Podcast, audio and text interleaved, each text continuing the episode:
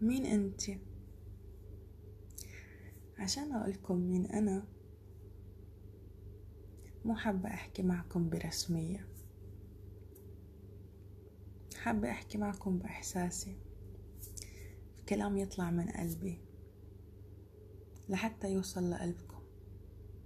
بكل بساطة ليش نعقد الأمور ونرتب كلامنا؟ ونحط فواصل ونحط نقاط ونكون أشخاص مثاليين. يمكن إحنا ما نكون هيك أصلا من الأساس.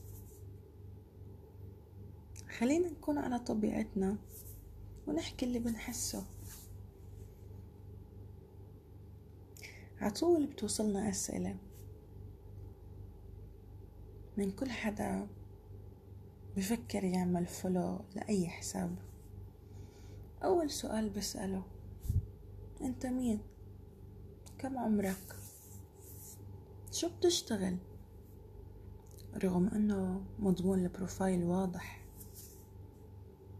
أنت متزوج؟ أنت مطلقة؟ أنت مرتبط؟ أنت مرتبطة؟ أنت من أي دولة؟ أنت مسلم؟ أنت سني؟ أنت شيعي؟ على طول بتتكرر هاي الأسئلة. بس ما حدا بنتبه للشخص لكيانه لشخصيته لفكره لشغله لموهبته لمضمونه. عطول الأسئلة اللي بنسألها عامة. كأنه إذا عرفوا الشخص هو من وين حيغير شي. أو إذا عرفوا إنه متزوج أو متطلق حيغير شي لا ما حيغير شي مين أنت؟ مين أنا؟ بكل بساطة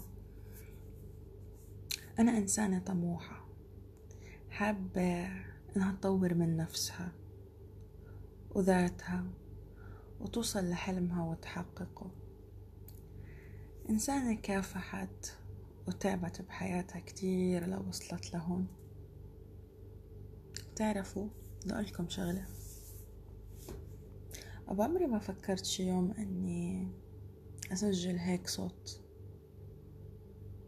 لحتى أخبركم عني. ولا عمري فكرت بيوم أني أفرجي العالم شو موهبتي. اللي تحولت لشغل ومصدر رزق. بس كل حدا فينا عاش بحياته تجارب منها اللي زادته قوة ومنها اللي خلته يتعرف على حاله أكثر على نقاط القوة اللي جواته نقاط الضعف اللي خلته يطور يطورها يشتغل عليها سواء كانت نفسية جسدية أو حتى فكرية.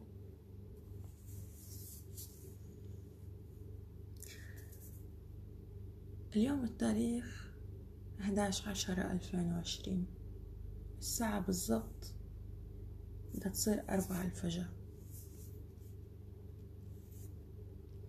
بدي أقولكم إياه إنه اليوم أنا وصلت لعمر الثلاثين سنة بس إنسانة راضية كل الرضا عن حالها راضية عن اللي وصلت له وحققته وقدرت إني أوثق بحالي وهذا أهم إنجاز عملته. من هاللحظة قدامكم وقدام حالي بوعد نفسي إني أكون أقوى وأقدر أحقق كل شي نفسي فيه وبحلم إني أوصل له. واليوم أنتوا معي وجنبي ومتأكدة منكم ومن محبتكم. وبعرف قديش بتوثقوا فيا. وبعرف إنه بدعمكم أنا راح أوصل. هي أنا بكل بساطة إنسانة شغوفة وطموحة. وبحاول كتير إني أحب الحياة. وبحاول إنه خيالي يصير واقع ويصير حقيقة. من كل قلبي بحبكم. وكتير كتير.